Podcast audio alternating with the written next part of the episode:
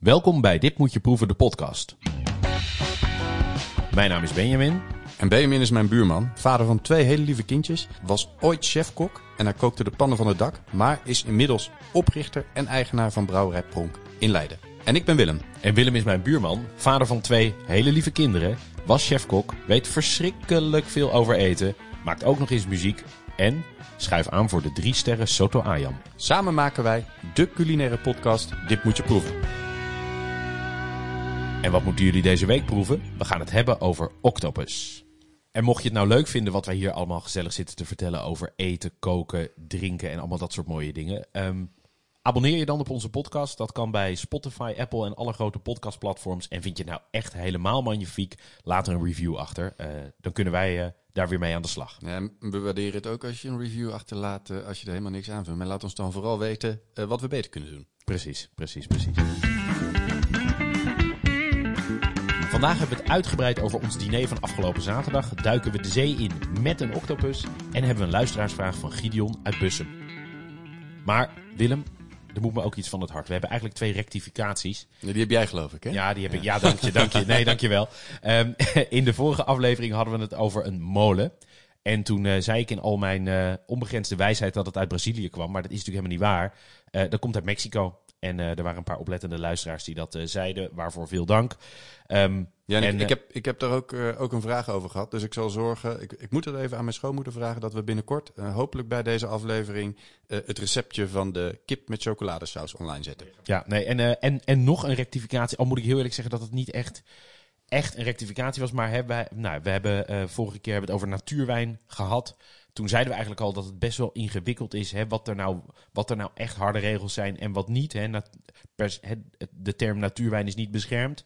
Nou, ik vertelde toen dat eigenlijk natuurwijn nooit houtlagering heeft gehad. Ehm, en wij spraken Tarik van eh, eh, La Cave de la Lune uit Leiden. En die zei, ja, dat is toch niet helemaal waar. Hè. Sommige, sommige natuurwijnen hebben dan wel weer houtlagering eh, gehad of niet. Ehm, dus, dus dat is niet helemaal waar. Tegelijkertijd, het is allemaal vrij fluïde.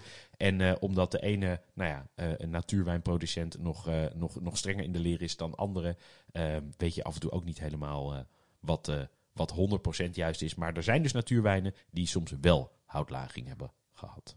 Nou, tot zover de correcties. Precies. Ehm Benjamin, wat heb je afgelopen zaterdag gedaan? Nou ja, eh, dat weet je best, want wij waren, wij waren samen op een heel mooi diner.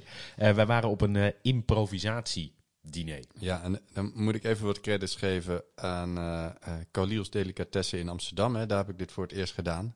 Dat is een delicatessenzaak op de Haarlemmerstraat in Amsterdam, toen ik daar nog woonde.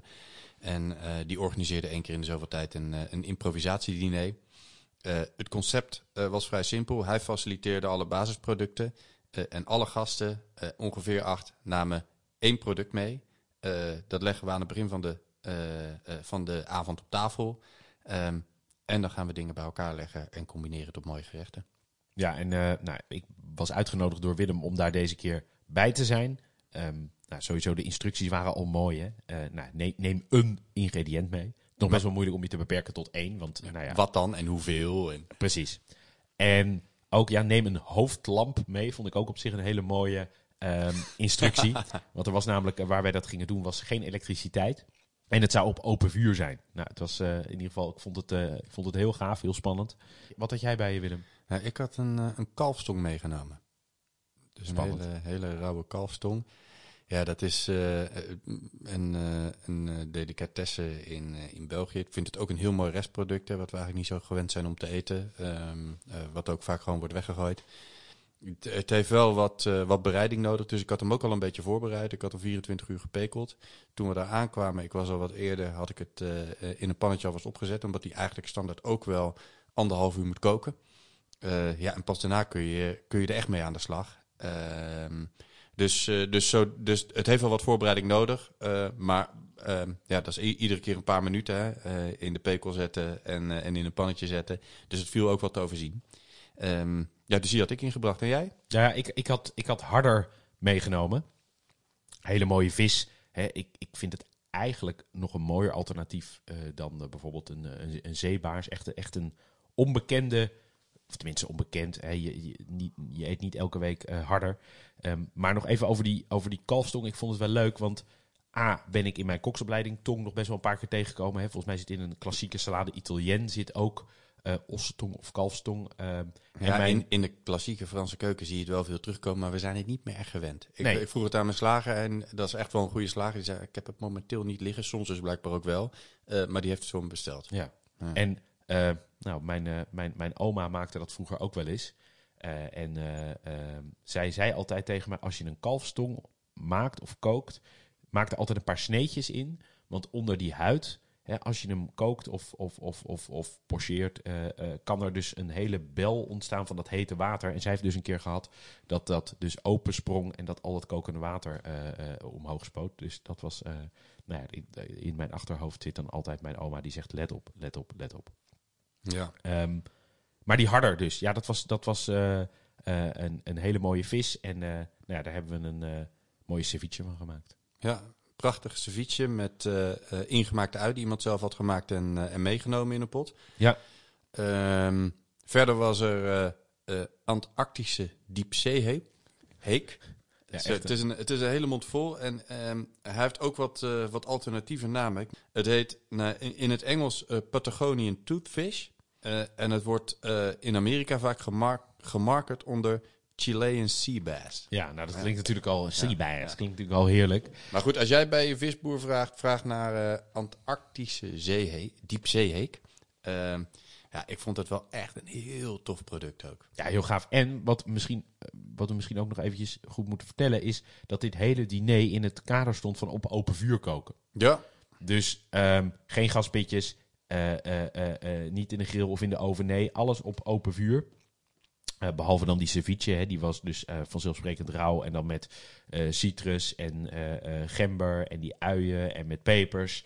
Ja, zoals, zoals je een ceviche maakt en met veel zuur en ja. veel, veel, veel verse, verse kruiden.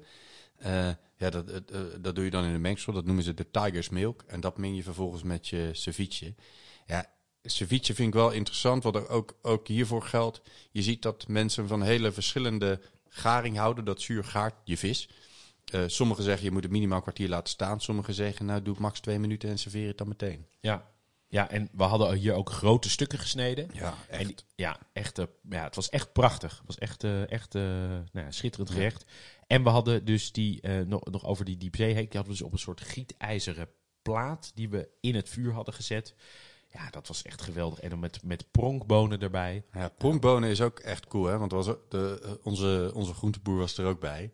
En die vertelde ook over pronkbonen. Hij zegt, ja, soms kan ik die krijgen, maar niet zo vaak. Het, zijn, uh, het is een type snijboon. Uh, je hebt er ook weer soorten binnen. Sommige hebben van die draden eraan uh, die je eerst af moet trekken en sommige niet. Um, ja, en het is een, een wat, wat zoetige snijboon. Ze zijn zo moeilijk te krijgen, omdat het heel belangrijk is om die op een perfect moment te oogsten. Dus ja, als jij boer bent en uh, je moet twee keer per dag echt, dat is, ook, dat is ook echt het tempo waarin het gaat, twee keer per dag die dingen gaan oogsten. Dat is eigenlijk bijna niet haalbaar. Uh, met snijbonen is dat überhaupt, hè, de, de timing van de oogst is wel echt belangrijk. Maar met pronkbonen helemaal, en die moet je twee of drie keer per dag misschien wel van de plant halen in het hoogseizoen. Uh, dus daarom zijn ze ook heel weinig te krijgen. Uh, maar het is echt wel een heel tof product. Uh, helemaal omdat het ook nog eens dezelfde naam heeft als jouw brouwerij. Ja, dat is dat natuurlijk wel leuk. Ja, dat is wel een cadeautje, toch? Dan, dan, dan, is het eigenlijk van tevoren al lekker. Hè? Ja, dat is natuurlijk wel. Ja, dus we, we hadden die ceviche van, van Harder, de Antarctische zeeheek met, met pronkbonen. En we hadden de kalfstong Uh, ja, dus gekookt. En dan moet je hem, nadat je hem hebt gekookt, moet je ook nog het vel eraf halen. Hè. Dat is dan dat is die hele, dat hele ruwe, stugge, dat is eigenlijk niet echt eetbaar. Um, die hebben we gepaneerd uh, en gefrituurd. Uh, met panko? Wat, met panko, wat ik eigenlijk een beetje over de top vond. Helemaal omdat het op dat moment eigenlijk te donker was om er nog een saus bij te maken. Die had hij wel nodig. Maar die serveerden we met eekhoorntjesbrood en zomertruffel. Ja, en die zomertruffel die had uh, nou, de groenteboer meegenomen. Wat natuurlijk een ook een schitterend ingrediënt was. En die eekhoornsbrood, ja, prachtig. Het was een prachtig diner. We hebben heerlijk gegeten uh, en gedronken. Uh, en het was ook nog gezellig. Ja, dat, uh, zeker. Ja, en, en de dag daarna rook je precies waar je geweest was, want je kleren roken helemaal naar open vuur. Het was, ja, de geur was wel echt heel, intens. heel intens. Ja, was prachtig. Mooi. En dan nu naar het onderwerp van de week, octopus. Um, eten we eigenlijk hier niet zo super In Nederland. Nee. In Nederland niet zo super vaak. Maar in Frankrijk, Spanje en Italië is het een eh, graag geziene gast. Ja. Ehm, Willem, jij bent eigenlijk toch wel een beetje, denk ik, de ambassadeur van de octopus. En misschien even leuk Ja. hier voor de... Nou, ambassadeur. Ik, ik, eh, wat wilde je zeggen? Nou ja, dat, dat- wat ik heel leuk vond, hè, we hadden het gemaakt, ook in voorbereiding op deze aflevering. En ehm, je had octo, we hadden octopus en daar waren ook frietjes en zo bij. En jouw kinderen eten dus eerst de octopus en dan de frietjes. Ja, ik, eet, ik eet best vaak octopus. Alleen, eh, ik, ik, moet zeggen, het- doet me soms ook een beetje pijn. Hè, want het zijn hele slimme beesten. Ik heb dit leren eten. Ik denk dat het 2014, 15 was. Nou ja, daarvoor had ik het ook wel, heb ik het ook wel eens gegeten. Maar toen ben ik het echt gaan waarderen. En dacht, oh ja, dit moet ik echt gaan maken thuis. Toen ik eh, op eh, culinaire inspiratiereis was. eh, met mijn toenmalige compagnon Ruben. Wij waren in eh, San Sebastian. Ja, San Sebastian is sowieso echt een fantastische De navel van de gastronomie. Ja. ze noemen het de culinaire hoofdstad van Europa. De, geloof ik, meeste sterren per hoofd van de bevolking. Eh, dus je kunt daar magnifiek eten. Eh, en niet alleen in sterrenrestaurants, maar ook juist in allemaal van die eh pincho-barretjes. Waar dan kleine hapjes zijn waar je van alles en nog wat kan bestellen. Mijn compagnon had daar gewoond, dus die kende ook de goede barretjes en zo. En eh, toen gingen we op een gegeven moment naar Bordaberry. Dat was een beetje zijn favoriete pincho-bar. En in Bordaberry hadden ze fantastische octopus op de kaart. Eh, perfecte garing, eh, perfect ook nog even opgebakken. Er zat een, eh, een, een mooie saus bij en er zat een, ja, ik weet, in mijn herinnering was het super lekker. Het was een soort aardappelpuree, maar ik denk dat er ook nog wel wat anders doorheen zat. Die lag eronder en ja, het was, het was echt een fantastisch gerecht. En toen dacht ik, ah, dit ga ik vaker thuis maken. Ja, ik, weet, ik denk dat ik het één keer in de twee maanden of zo bereid, nu. Eh, en, eh, en mijn kindjes zijn er ook dol op, inderdaad. Eh, ja, dat, ik doe ze er heel groot plezier mee. En, en mezelf en mijn Jezelf vrouw ook, ja. Ja, ja, ja. En ik moet zeggen dat ik, dat ik wel qua bereiding vaak hang op wat ik altijd doe. Maar omdat ik dat gewoon super lekker vind. Maar goed, daarover zometeen meer.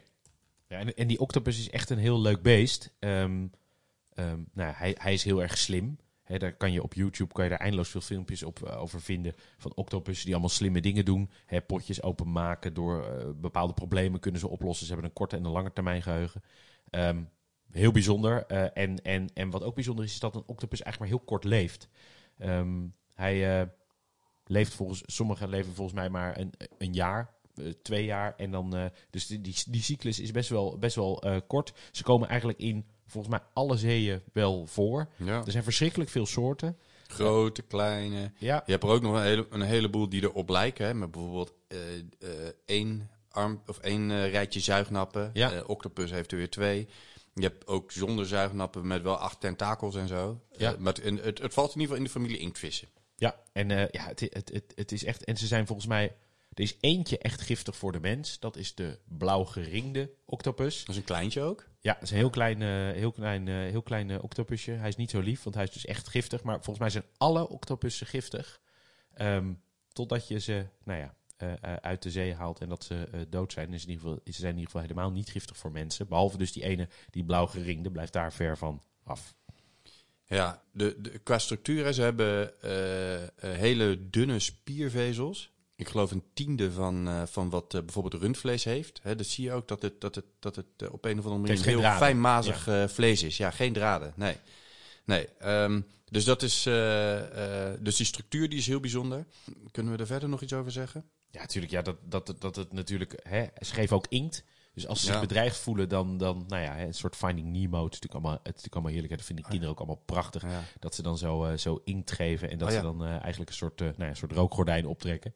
ja, en die inkt wordt natuurlijk ook weer gebruikt om bijvoorbeeld risotto te kleuren of pasta te kleuren. Hè? Dat doen ze in Italië veel. Ja, Ehm, en ja, het vangen heb ik mij laten vertellen door, door de visboer. Dat doen ze in potten. Ehm, die, die octopussen die zoeken s'nachts eh om te slapen vaak, eh, Oh. vaak holletjes op. ja. Eh, dus, ze, dus ze doen een soort ja, een, een ding met allemaal potten. En daar kruipen ze dan in. En dat halen ze s'nachts omhoog als die octopussen liggen te slapen. Hey, en dan, Dus dan, dat, ja. da- dan Willem, de octopus is eigenlijk is het een enorm taai beest.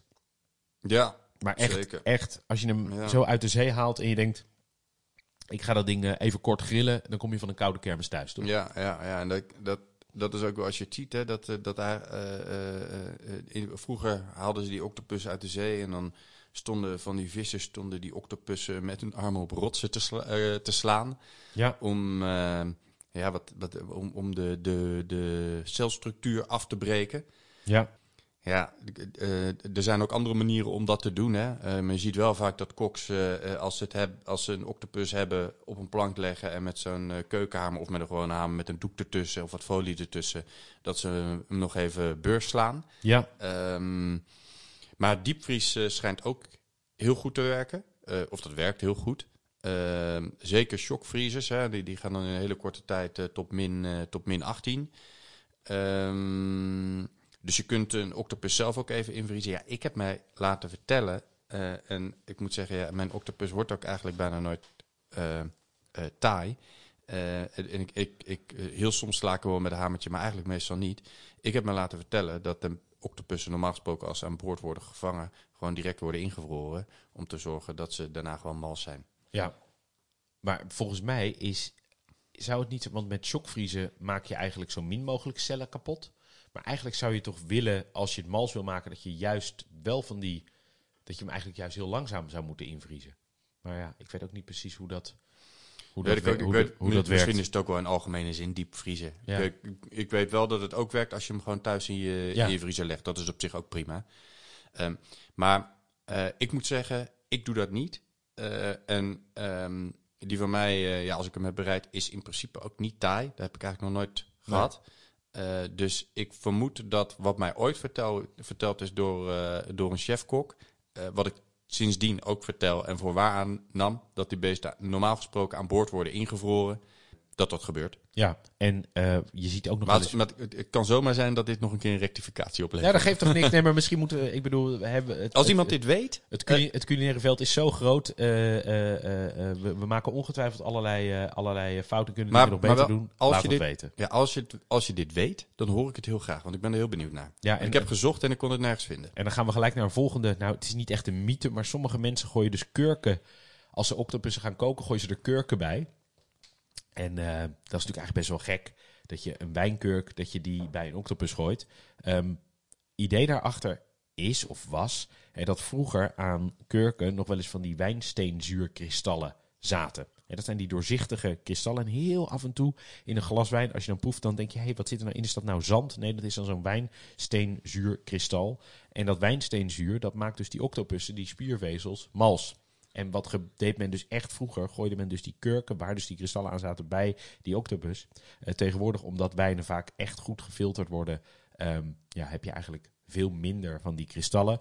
En zie je de mensen nog steeds af en toe wijnkurken van allerlei nou ja, wijnen die nooit wijnsteenzuurkristallen gaan opleveren. En die mensen zeggen, mijn oma zei... Gooi de kurken bij. Juist. En uh, dat is dus eigenlijk, heeft dat uh, geen zin uh, meer. Behalve dat denk je dat je octopus naar kurk gaat smaken. Wat denk ik eigenlijk helemaal niet zo lekker is. je kan volgens mij wijnsteenzuur kan je wel kopen.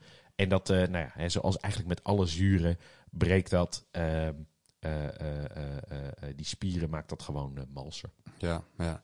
En um, ja, er is er nog eentje waarvan ik niet weet of het een mythe is eigenlijk. Hè. Ik heb geleerd als je je octopus gaart, dat je hem eerst even in het kokende water moet, moet dippen 10 seconden de tentakels en dan optrekken. En dan even wachten tot, hij weer een beetje koud is. En dan weer 10 seconden dippen. Um, maar ik heb geleerd dat dat mooi is, dat die tentakels dan mooi opkrullen. Um, daarvan weet ik ook niet of het waar is. Maar er zijn ook mensen die beweren dat dat helpt om de octopus minder taai te maken. Dat dat ook wat met de celstructuur doet. Dat warm-koud, warm-koud blijkbaar.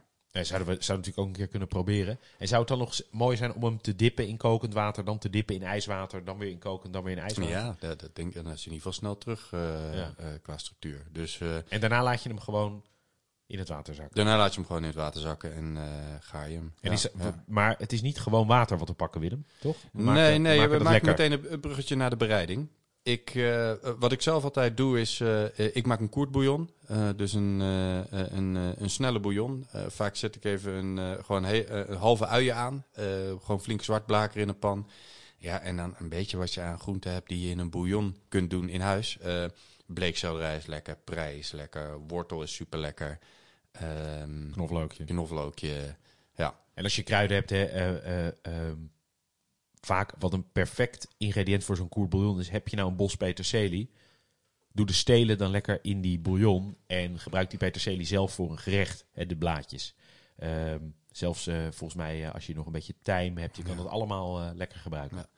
Ja, dus een, dus een eh, flinke pan met water met je ingrediënten. Ja, en een, en een uitje zet ik dus meestal van tevoren wel even aan, dat die, eh, want daar, daar- dan komt de smaak ook los.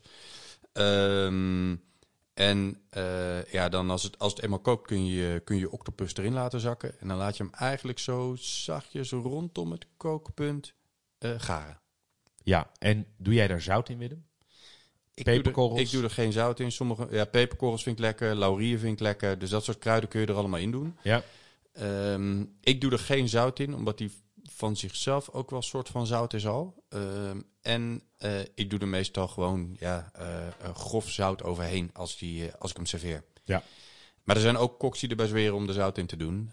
Dus experimenteer er vooral mee wat je, wat je zelf lekker vindt. Ja, Ja. Ik, ik, ik zou er eigenlijk naar neigen om het eigenlijk, net zoals dat je als je groente kookt of blancheert, om er toch wat een beetje zout te doen, om dat toch nog ook een beetje smaak te geven. Zeker omdat hij er vijf kwartier in zit, denk ik dat je dat misschien wel terugproeft. Tegelijkertijd zijn ook de, ja, die hele mooie zoutvlees aan het einde heel mooi. Ja, je, sta- je stapt nu wel heel neutraal over die vijf kwartier heen, maar dat is natuurlijk ook nog een puntje van. eh. ze, ze- ze zeggen wel minimaal een uur volgens mij om, eh, om een beetje die celstructuur af te breken. Dan eh, eh, lost de gelatine volgens mij op. Ehm, maar ehm, ja, en, en ik doe zelf max vijf kwartier, omdat ik hem daarna een beetje zompig vind worden. Maar anderen zweren weer bij twee Langer, uur bijvoorbeeld. ja. Misschien heeft het ook nog mee te maken hoe groot de octopus is, hoe dik de, de armen eh, zijn. Weet ik niet. Volgens mij niet zo hoor. Nee, ik heb wel dikkere en dunnere gehad. Dus ja, ik, eh, ik, moet zeggen, ik, eh, ik heb het gevoel dat ik eh, eh, best wel, ja, dat die, dat die op een gegeven moment gewoon, te, voor mij wordt die dan te zacht, zeg maar. Eh, ik vind het ook wel lekker om wat op, eh, op de koude te hebben. En toen we hem van de week hadden, was zeker niet taai, toch? Helemaal niet. We, nee, hebben, nee, hem- nee. en we hebben hem niet mishandeld, trouwens. We hebben hem niet ingevroren. Dat is, dat is niet taai. nee, totaal niet. Nee, totaal niet. nee, nee. Nee, dus ehm, ik hou een uur tot vijf kwartier aan. Dat is een beetje mijn, eh, mijn richtlijn. Koken doe ik altijd in zijn geheel. Eh, want anders heb je zo'n koerbouillon en dan moet je al die tentakeltjes uit staan vissen. Eh, dan is het handig als je gewoon één hele octopus eruit kunt halen. Kun je hem daarna op, eh, op een plank leggen en, en gewoon rustig laten afkoelen. En dan kun je hem daarna voor de servies, dus eigenlijk voor de finale bereiding, kun je hem portioneren in, en gewoon de tentakels los, lossnijden. Ja, en, en Willem, wij hadden toen we hem maakten, we hadden een kleinere met hoofd en al. En jij Ja. had ook nog ehm, een, een, een, eigenlijk een stuk zonder de kop. Ja, Dat was echt een grotere. ja toch? dat was een grotere. Met, en dan heb je dus, eh, eh, ja, maar, eh, onze visboer die, die heeft dat. Ehm, die heeft vaak dan keuze, een klein octopusje of, of alleen tentakels. Ik moet zeggen, die, ik vind dat, dat, dat kopje van die octopus voegt ook wel, voegt ook wel wat toe. Ehm, eh, dat is weer net een wat andere structuur.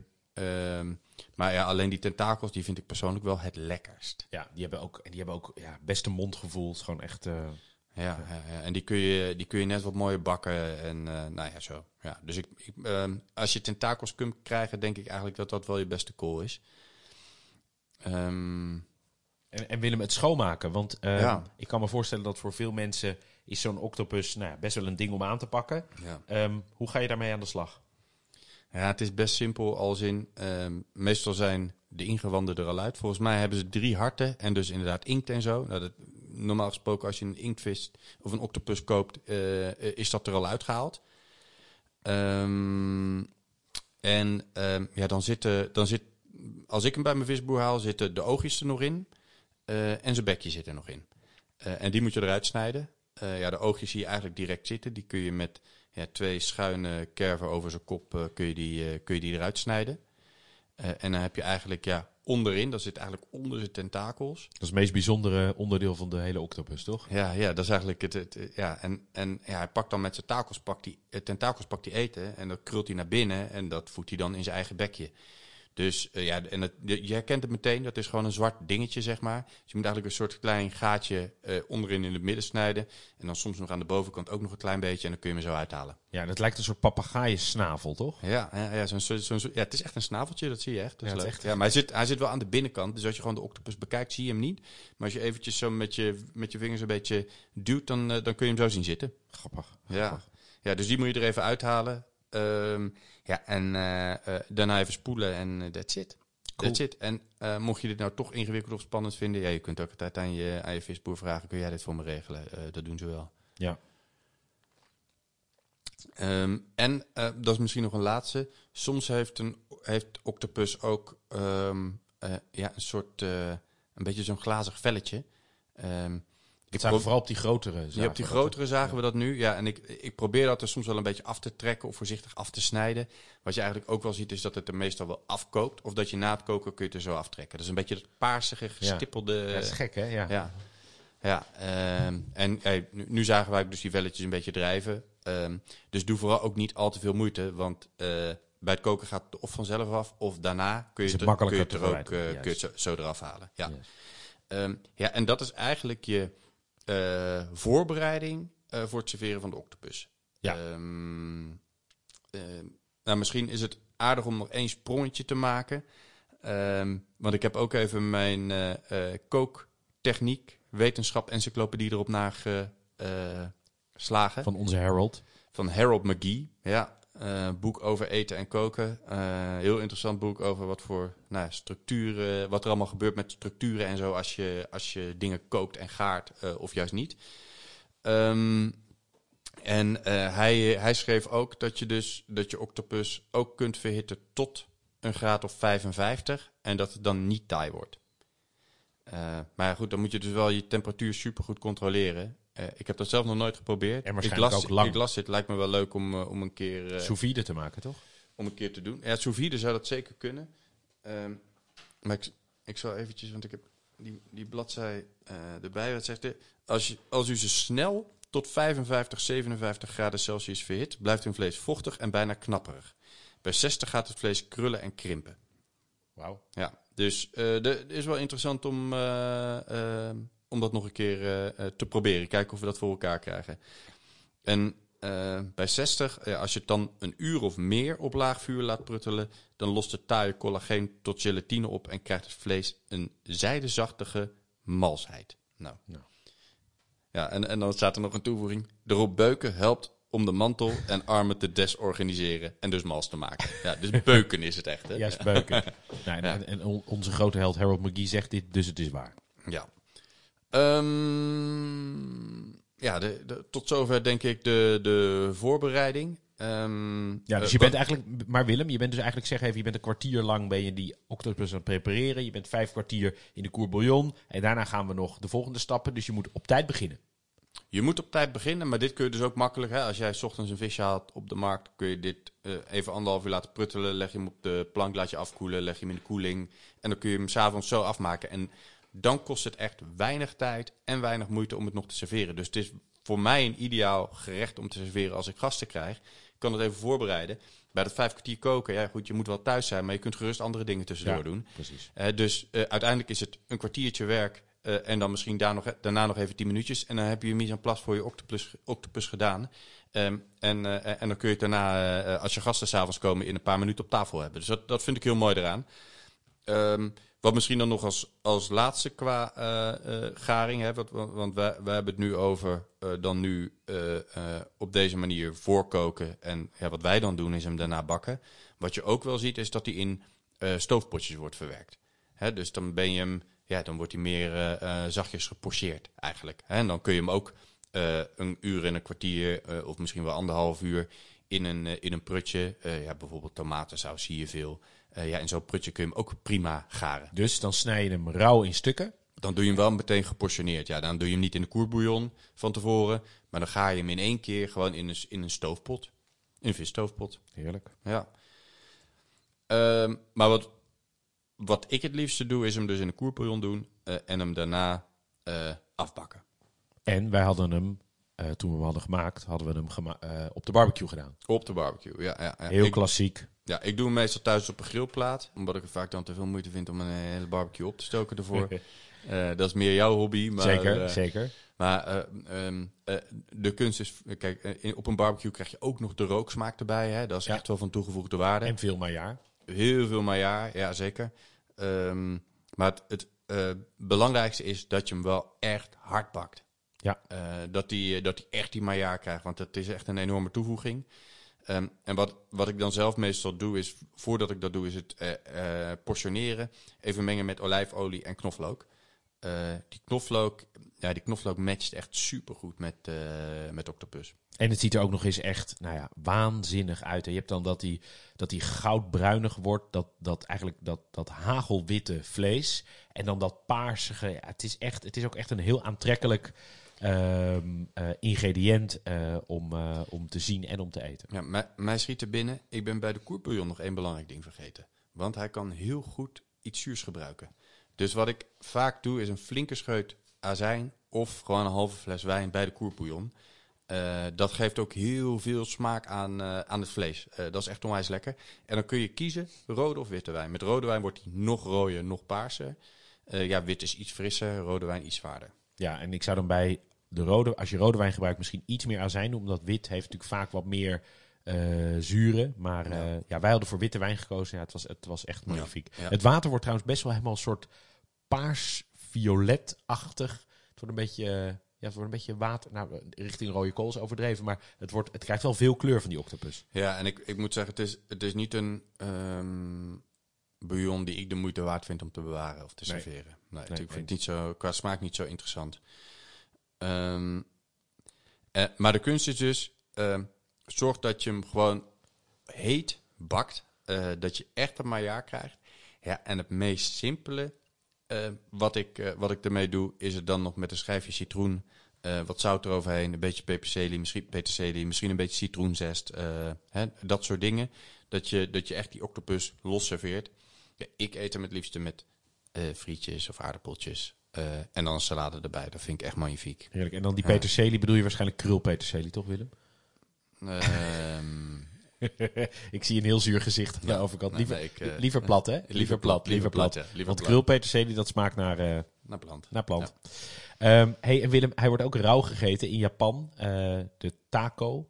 Ja. Ehm, Ja, dan zie je, tenminste, ik heb, ik heb er ook even naar gekeken. En dan zie je van die filmpjes waar dan eh, gewoon zo'n kronkelend eh, tentakeltje nog ligt. ja. Ik zag ook in, eh, in- Korea helemaal levend, waar ze gewoon octopussen die eh, nou, iets kleiner dan een vuist zijn, eh, in één keer in zich geheel eten. ja, door, de- is- door, door een, een sojasaus. Door een en dressingje. dan- ja. Ja, ja, Maar goed, ja, ik moet zeggen, ik, ja, dat gaat mij wel een beetje ver. Dan, ik, ik, dan zag je van die, ik, tenminste op dat filmpje zag ik zo iemand die dan eh, met, met het hoofdje in zijn mond zat en tentakels zo allemaal over zijn gezicht. Die kleefde aan zijn gezicht en zo. Denk ja, dat vind ik echt te luguber. Dat hoeft voor mij allemaal niet. Ja, even nog los van luguber lijkt het me ook niet echt heel prettig eh, eten. Maar eh slands wij, slands eer. Hè. Laten we daar niet... eh, Nee, maar, we maar, er niet over maar, oordelen. maar de kunst zit tenminste, dat, dat lijkt mij dan. eh, ehm, eh, de- het is wel een mondgevoel wat je dan hebt met die tentakeltjes die vastkleven aan je tong. Dat is volgens mij wel een sensatie, zeg maar. Hè? Da- daar zit wel een, eh, een, Ja. eh, een ding in. ja, Maar goed, zeker. nog steeds voel ik me niet mega eh, Geroepen om dat te om, gaan eh, doen, om dat te gaan doen. Nee, nee. Ehm, ja, waarmee combineer je het dan? Ehm, ik- Frietjes. Frietjes, nou ja, ja frietjes. eh, aardappelen. Aardappelen is in alle gevallen een supergoede structuur bij octopus. Je kunt ze ook gewoon koken. Je kunt gebakken aardappelen doen waar de buitenkant eh, mooi gebakken is en de binnenkant eh, lekker zacht. Dat past er heel mooi bij. Eh, maar je kunt ook gewoon aardappelpuree doen, zoals ik bij Borda Berry in San Sebastian had. Nou, is echt heel tof om mee te combineren. Ehm, dat, dat zou mijn eerste call zijn. Ehm, dan vind ik zelf, wat ik, dat is het enige dat ik dan nog wel eens aan groenten echt meebak met die octopus, is wat zeegroenten. Dus of zeekraal of lamsoor, hè, zoiets. Want dat, eh, ja, dat geeft dat hele lekkere ziltige. Ehm, dus dat vind ik heel cool. Ja, dus ik, de- ik denk dat, we, dat, dat dat wel een, eh, een sleutel is om, eh, om mee aan de slag te gaan. hey, en Willem, de do's en de don'ts. De do's en don'ts. Nou, met stip. eh, waag je er eens aan. Durf het bes- bestel bij, bij je visboer een octopus. Die van mij heeft ze meestal liggen. Ehm Klaas Hartenveld hier in Leiden. Een beetje goede visboer kun je ze gewoon krijgen. Eh, maar check het even van tevoren. Eh, en anders kun je ze altijd wel bestellen. Dus bestel een mooie octopus of octopus tentakels. Ehm, want het is makkelijker dan je denkt. Je kookt het in zo'n koerbouillon eh, met, met wat verse groenten, een scheutje wijn en wat kruiden. Eh, kun je het laten liggen en daarna bak je het een paar minuten aan en je hebt een fantastisch gerecht op tafel. Mijn kinderen zijn er gek op. Ik zag een van die van jou, die ging er ook heel goed op en de ander die twijfelde nog Ja, een die vond, het een beetje, die vond het een beetje spannend. Ehm, ja, het, het is natuurlijk ook wel. Het, ja, het, is, het is in ieder geval wel spannend eten. Het is echt, je ziet echt op het bord wat je eet.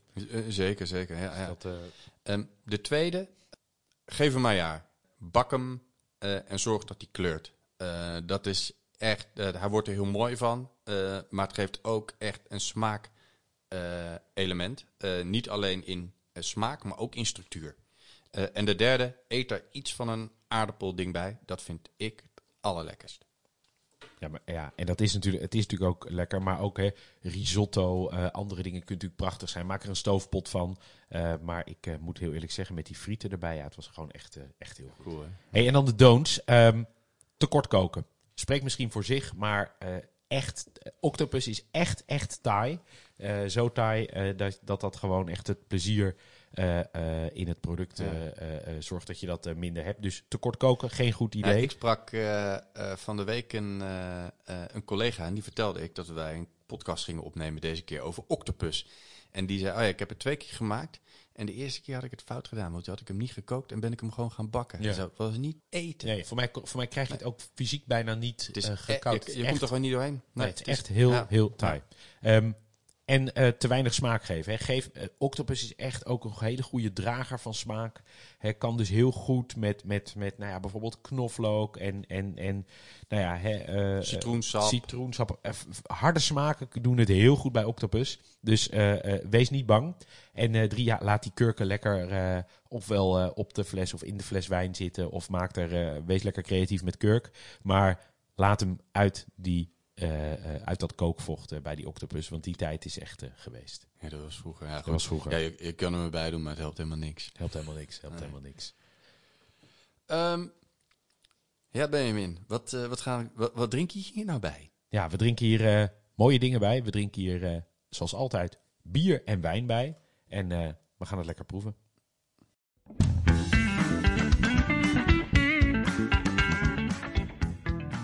Ja, als eerste de wijn.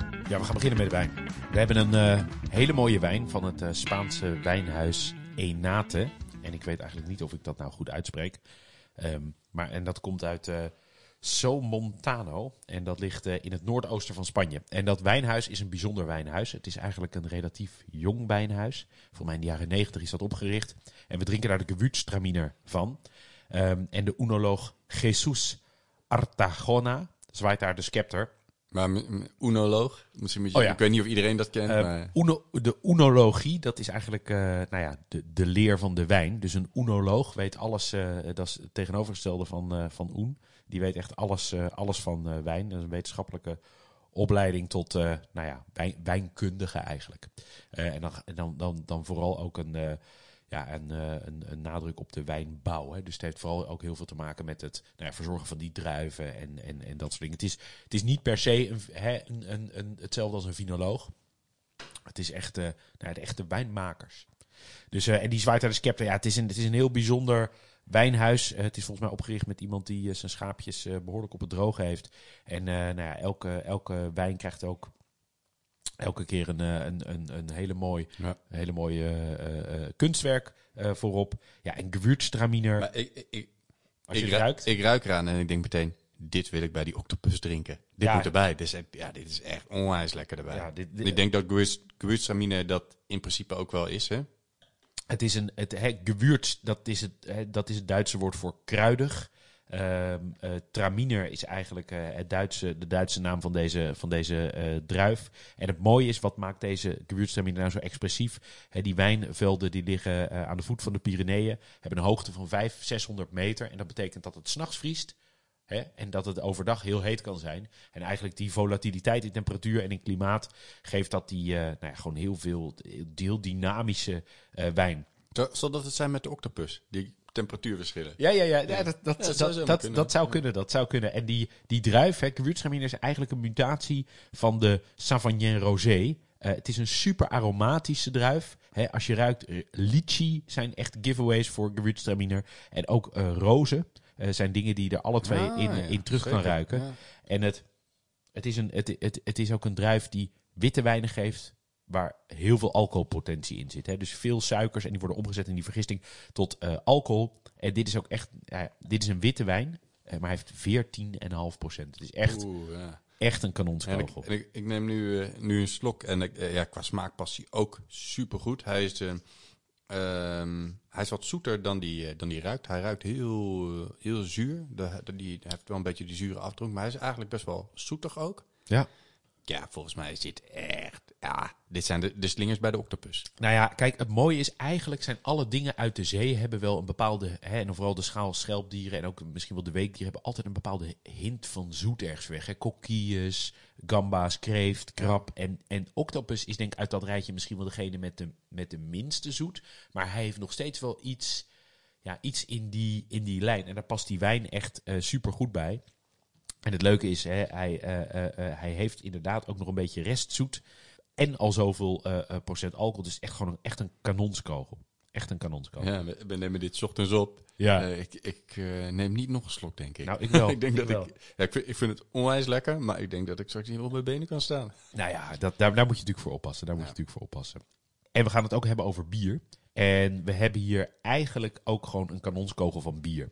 We hebben namelijk een triple. La Corne du Bois de Pendu. Triple ook, nog zo'n kanonskogel. Nog een kanonskogel, absoluut. eh, van Brasserie eh, de Ebly. En dat is een bierfirma uit de Ardennen. Dan denk je misschien Weer een Belg. Weer een Belg, ja. ja. Eh, en wat denk je, ja, wat, wat, wat is nou precies een bierfirma? Nou, dat is eigenlijk precies wat het is. Het is geen brouwerij, het is echt een bierfirma. En de beste man, de eigenaar, die Gaëtan Patin, die brouwt zelf geen bier, maar laat dat brouwen bij een andere brouwerij. Een zogenaamde eh, eh, eh, huurbrouwer. En nou ja, hij heeft een hele mooie triple laten brouwen. En dat heeft hij laten doen bij Brasserie de Legende uit het Belgische plaatsje Irgonwelts. En ja, triple is eigenlijk een bovengistend bier. Altijd licht, hè, blond. Altijd sterk in alcohol. En dat heeft ook ja, van die mooie hoge esters. Van die hele fijne. Het heeft fijne geur. Er zit vaak korianderzaad in. Heeft ook vaak iets zoetigs. Ja, en, en ja, ook, Ja. ook dit. Ik denk dat dit prachtig is. Ja, en, en misschien nog even een, eh, een stapje terug. Hè. Eh, ehm, dat bierfirma, want er, er zijn wel meer partijen die dat doen, geloof ik. Hè? Gewoon Ja. de, de recepturen zelf bedenken en dat vervolgens door een ander laten brouwen. Ja. Toch? Ja, Ja. Dat, dat, In Nederland heb je dat, gebeurt dat ook wel, toch? in Nederland gebeurt Er dat zijn ook. wel eh, plekken waar je, waar je dat eh, kunt. Er zijn brouwerijen die dat aanbieden, dat zij voor jou je re- recept brouwen. Klopt. Ehm, ik moet zeggen, ik heb daar een beetje een haat-liefde verhouding mee. Ik vind dat eh, hè, hier gaat dat open en bloot in de volle transparantie. Hè, en zeg gewoon, oké, dat laten we ergens. Het staat gewoon ook op het flesje. Het is gemaakt bij Ja. eh, Brasserie de Legende. Het lastige aan de andere kant is dat je tegenwoordig ook wel een aantal cowboys hebt. Die doen net of ze bier maken. eh, maar die maken dat helemaal niet. En die bestellen dat ergens anders. En ja, dat is natuurlijk wel, dan wordt het wel ingewikkeld. ja. Dus ehm, Ja. Hey, en ehm, misschien wel, eh, wel aardig om daar nog even een korte toelichting, toelichting op te geven. Deze heeft vrij veel koolzuur. Ja. Best wel veel prik. ja, Ehm, dat heeft eigenlijk een triple altijd. Ja. Altijd relatief hoog in koolzuur en parelend. Ja, ja. Ja. Ehm, en, en hoe- komt dat en wat doet dat? Nou, sowieso. Dus, dat, is, dat is stiekem een verpakte luisteraarsvraag die we hebben gekregen, waar we dan eh, eh, nu dan eh, even niet de credits voor geven, maar toch het antwoord geven. Ja, nou, het is, het, is, het, is een, het is best een ruime vraag, dus ik zal me proberen te beperken. Ehm, koolzuur geeft eigenlijk dynamiek in je mond. Hè? Waarom is champagne nou zo'n zo'n intense wijn? Eigenlijk is het gewoon witte wijn. En ik denk als je de koolzuur uit champagne zou halen, ja, dat, dan, dan is het een stuk minder spannend. Maar door die koolzuur, het, het, het verplaatst zich door de mond, het mengt goed, het, het, het geeft eh, letterlijk eh, dynamiek en prikkeling. En misschien een beetje zoals die Koreanen met die levende octopusjes. En, en zoals eerder gezegd, het haalt ook bijvoorbeeld als je een heel vettig gerecht hebt, spoelt het ook je mond heel mooi Precies. schoon. Precies. Dus voor je volgende hap weer helemaal klaar. Ja, en eigenlijk gastronomisch doet koolzuur het heel goed. Dranken met koolzuur geven eigenlijk een betere ja, beleving, zetten je smaakpapillen op scherp dan dranken zonder koolzuur. En dan is dit ook nog eens een keer een drank. En een triple is een bier wat veel koolzuur heeft. Vergeleken met een pils heeft het misschien wel eh, nou ja, anderhalf keer eh, zoveel koolzuur. Ja. En het is heel rijk in smaak. Dus nou ja, dat is echt een, eh, echt een, een powerhouse. Ehm, bitters zijn belangrijk in een triple, maar het is niet eigenlijk de, de hoofdsmaak. Hè? Want En- bitters en, en zeevruchten doen het eigenlijk niet zo goed. Ehm, dus En dat die- is eigenlijk en- bedienend. Ja, en, en eh, eh, deel 1 van de vraag, hoe komt dat? Dat koolzuur? Oh, dat het zo hoog is? Ja, nou dat is eigenlijk, hè, dat kan op een aantal manieren. Je kan koolzuur gewoon toevoegen. Hè? Misschien, Mhm. je kent het apparaat, eh, de SodaStream misschien wel. Hè? Ja. Dan heb je water, je drukt drie op een knopje en er zit er koolzuur in. Ehm, ik denk, dat weet ik niet, eigenlijk niet 100% zeker, maar ik denk dat dit hergisting op de fles heeft. Wat dus zoveel wil zeggen als de gisting is eigenlijk bijna klaar. Uh, er zitten nog een paar uh, suikers zitten er nog in. Die heeft de gist nog niet opgegeten. Dan doe je het in een afgesloten container. Hè, een fles met een kroonkurk erop. Dan gaat de gist gaat de laatste suikertjes opeten. En wat doet gist? Die zet suikers eigenlijk om in twee dingen. Eén in alcohol en twee in CO2. Dus, hè, dus koolzuur. Ja, het kan er niet uit. Dus die koolzuur die wil omhoog. Komt eigenlijk een barrière tegen. En dan krijg je een soort natuurlijke saturatie. Dus dat koolzuur lost eigenlijk op in het bier. En dan, eigenlijk is het een bijproduct van de vergisting. En, de, en de, dat is dan ook een beetje, als, als er dan nog te veel vergisting plaatsvindt, dan knalt je fles uit elkaar. Dan knalt je fles uit elkaar. Ja, zeker, zeker, zeker. Dus daar moet je, dat proces moet je goed onder controle hebben. Uh, maar je kan dus hè, natuurlijk koolzuur, zoals bijvoorbeeld ook bij champagne, hè, die koolzuur is natuurlijk door vergisting. Uh, en je kan het er ook gewoon later in stoppen. Nou, leuk. Leuk. We, we gaan het uh, binnenkort nog een keer uitgebreid hebben over bier. maar, maar eerst hebben we nog een luisteraarsvraag. Deze keer van Gideon uit Bussen. Ja, en Gideon heeft uh, de vraag gesteld: wat is nou het verschil tussen pocheren, blancheren, koken en stomen? Nou, Gideon, supergoeie vraag. Dank je wel daarvoor. En, uh, en ook een beetje diffuus antwoord, maar goed, daar komen we zo op. Ja, daar komen we zo op. Daar komen we zo op. Um, nou, Willem, uh, je hebt het opgezocht in Harold McGee. Over nou, eten en koken. Ik heb er een beetje in zitten bladeren. Um, kijk, misschien ook even beginnen bij wat ik weet. Hè. Uh, blancheren is, uh, is zorgen dat je, uh, dat je water kookt met zout. En dat je daar kort even je, eigenlijk bijna, doe je bijna altijd met groenten, een korte garing in geeft. zodat je een, ja, een soort van kickstart met het garingsproces hebt gemaakt. En ruim water. Ruim water met wat zout. daarna koel je het zo snel mogelijk terug. Dus onder stromend water, in een bak met water. Het liefste ijswater. Het liefste ijswater. Zorgen dat het zo snel mogelijk weer uh, op, een, uh, op kamertemperatuur of liefst nog kouder is, zodat het niet verder gaart. Dat is een beetje de sleutel. En daarna kun je het uit het water halen, laten drogen. Dan kun je het ook in je koelkast bewaren een paar dagen. het wordt ook heel vaak gebruikt om groenten in te vriezen. Ja, al, die, al die groenten die je in de supermarkt ingevroren vindt, dopertjes en spersiebonen, zijn allemaal eerst geblancheerd een paar minuutjes. ja, dopertjes wat korter, ik denk een minuutje. En spersiebonen zullen wel drie minuten zijn. Hè? Um, maar uh, dat is belangrijk voordat je groenten invriest. Dus als je zelf een keer groenten wil invriezen, blancheer ze altijd eerst. Want dan blijven ze langer houdbaar als je ze hebt ingevroren. Ja, en uh, pocheren is eigenlijk uh, nou niet het tegenovergestelde van blancheren. Maar dan is het niet ruim, of ja, het is wel ruim water, maar niet kokend water. Juist de essentie is het kookt niet. En dat, is eigenlijk, dat doe je eigenlijk nooit met groenten, maar doe je bijvoorbeeld wel vaak met uh, nou, bijvoorbeeld vis of eieren pocheren. Eigenlijk zijn het eiwitrijke producten om te zorgen dat die eiwitten op een langzame manier eigenlijk garen of nou ja, stollen. Hè? Uh, en het mooie is, uh, je kan het vaak goed zien met bijvoorbeeld een stuk zalm. Als je dat zou koken, dan komen allemaal die witte eiwitten eruit. En als je dat goed pocheert, dan blijft dat... blijft dat ja, dat is, dat is dus eigenlijk tegen het kookpunt aan. Hè? Precies. Um, Ho hoewel, nou ja, goed. Uh, ik keek dus even wat Harold McGee erover zei. Die zei, nou ja, dat is gewoon een uh, vlees of vis garen in een, in een vloeistof. Hij doet het bijvoorbeeld ook met eieren. Hè? Um, dus ik moet zeggen, volgens mij is er niet een hele strakke regel voor wat pocheren is.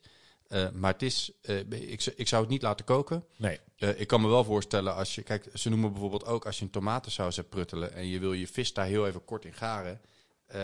Ja, dat noemen ze ook pocheren en dan bubbelt het wel vaak. Hè? Dus het is, het is een beetje een uh, grensgeval, maar het is in ieder geval vis of vlees, ja, of dus eieren garen in een, in een vloeistof. Maar het is eigenlijk altijd een eiwitrijk product en het is eigenlijk ook altijd een delicaat product. Ja. je, het, het, is volgens mij nooit dat je een prei pocheert. Of een knolselder. Ik zou het, je zou het eens kunnen proberen. Nee. Ja. ja. maar die hebben, gewoon, die hebben gewoon ook echt garing nodig. Hè? Dus dat is prima. Als je, die, uh, als je die gewoon even lekker laat koken. ja. ja. Nou, dan hebben we koken. Hè, dat, dat, dat, zou, dat is eigenlijk de, de bereidingstechniek die we denk ik allemaal kennen. Hè, in een vloeistof die 100 graden is, in ieder geval op zeeniveau, uh, 100 graden is, uh, waar je producten in gaart. Uh, en dat kan zijn nou, van, van, van pasta tot eieren tot soepen. Nou, noem het ook maar op. Koken is denk ik de meest bekende en de, nou, een van de meest basistechnieken in de keuken. En een afgeleide van van koken is uh, stomen. Ehm, daar zei Harold eh, volgens mij ook nog iets moois over. Dat stomen eigenlijk in de verhitte waterdamp van water, uiteraard, eh, het eh, garen is. En stomen doe je eigenlijk vaak met eh, nou ja, ook weer delicate producten, maar dan wel vaak weer groenten. Hè, eh, nou, wij spreken eh, broccoli, eh, eh, noem het allemaal maar op. Maar ook vis kan je stomen. Eh, en ook dingen die, waarvan je ze niet in het water wil hebben. Omdat eigenlijk het water zou zorgen dat ze bijvoorbeeld oplossen. Hè, bijvoorbeeld dumplings is daar een heel goed eh, voorbeeld van. Eh, hè, als je die, die kan je het beste stomen. Ja, ja, en ik, moet zeggen, ik ben, ik ben ondertussen even aan het bladeren, want ik vond het wel interessant wat Harold McGee zei. Maar ik kan het niet meer zo snel vinden, maar ik ga proberen te herhalen wat hij zei. Is dat je, hè, als je om, om water aan de kook te krijgen, eh, heb je heel veel energie nodig. Ehm, en ehm, die energie die gaat via die stoom weer terugvloeien naar je product. Eh, en je hebt door, door, eh, door dat stomen heb je, je hebt minder direct contact eh, tussen, je, tussen je water en het product dat je aan het stomen bent. Dus in die zin is er minder kracht. Maar door die toegevoegde energie, de energetische energie uit die stoom, die compenseert dat eigenlijk. Ja, het is. en, en ik moet heel eerlijk zeggen, ik, ik gebruik stomen eigenlijk relatief weinig. Ehm, doe jij veel? Mm, Nee, nou, ik, eh, ik heb een tijdje eh, had, ik een, had ik echt een, eh, een stoomoven. Eh, die heb ik nu niet meer. Ehm, toen deed ik het wel vaker, maar het is toch vaak een beetje gedoe. Wat ik dan vaak doe, is het toch even blancheren en daarna dan een volgende Ja. bereiding doen. Ja. Ehm, en wa- en wat, wat men ook wel zegt over stomen, eh, is dat, eh, en dat, dat is volgens mij ook waar, dat eh, hè, als je het direct in water kookt, dan vloeien eh, vitamine, mineralen en zo soms ook een beetje het water in. Eh, en als je het stoomt, dan blijft dat in het product zitten. Nou, Gideon, ik hoop en, en, dat. en nee, daar, daar vond jij wat van, toch? Nou, ja, ik, ik, ik moet zeggen, ik vind, Of dat, ja. ja. ik vind dat misschien altijd een beetje een truttige eh, reden. Kijk, ik snap hè, dat als je, eh, eh, als je eh, broccoli een half uur kookt in, eh, in 10 liter water en daarna gooi je al het water weg, hè, dan, dan, dan, dan, dan, zit alles in de gootsteen in plaats van in die broccoli. Ik, ik, ik denk als je dat heel kort kookt, blancheert, eh, ik, ik weet zeg maar niet of die hele eh, ik, ik zou niet per se het stomen gebruiken daarvoor. Ik zou het stomen gebruiken voor dat het mooi knapperig blijft. Dat je die garing goed kan controleren. Dat het super mooi groen blijft. Ja. Ehm, eigenlijk. eh, maar daarin zie je eigenlijk wat er nog dan in, zit, hè, wat je niet verliest. Dus nee, dat is, zeker. ja. Ja. nee, absoluut. absoluut. Maar mooie vraag. Eh, voor mij nu eh, genoeg over eh, vanuit van Harold McGee. hey, Gideon, heel veel dank voor jouw vraag. Wordt bijzonder gewaardeerd. En wij zorgen ook dat er nou ja, iets leuks jouw kant op komt. Ja. Heb jij nou ook een goede vraag? Iets wat je altijd al wilde weten? Een mythe die je ontkracht wil hebben? Of juist bevestigd? Laat het weten en dan gaan wij daarmee aan de slag. En zoals altijd, de leukste vraag van de aflevering, die, die behandelen we. En nou, wij zorgen dat daar een leuk iets naar je Ja. toe komt. Hey, en dat was het weer voor deze keer, eh, Willem. Over twee weken zijn we er weer. En we gaan het dan hebben over iets eh, typisch Leids. We gaan het hebben over Hutspot met klapstuk. Heerlijk. Ja, 3 oktober komt eraan. Hè? 3 oktober komt er. Ja, ja. Ehm, in de tussentijd, kook met liefde, proef alles wat los en vast zit en geniet met volle teugen. Cheers.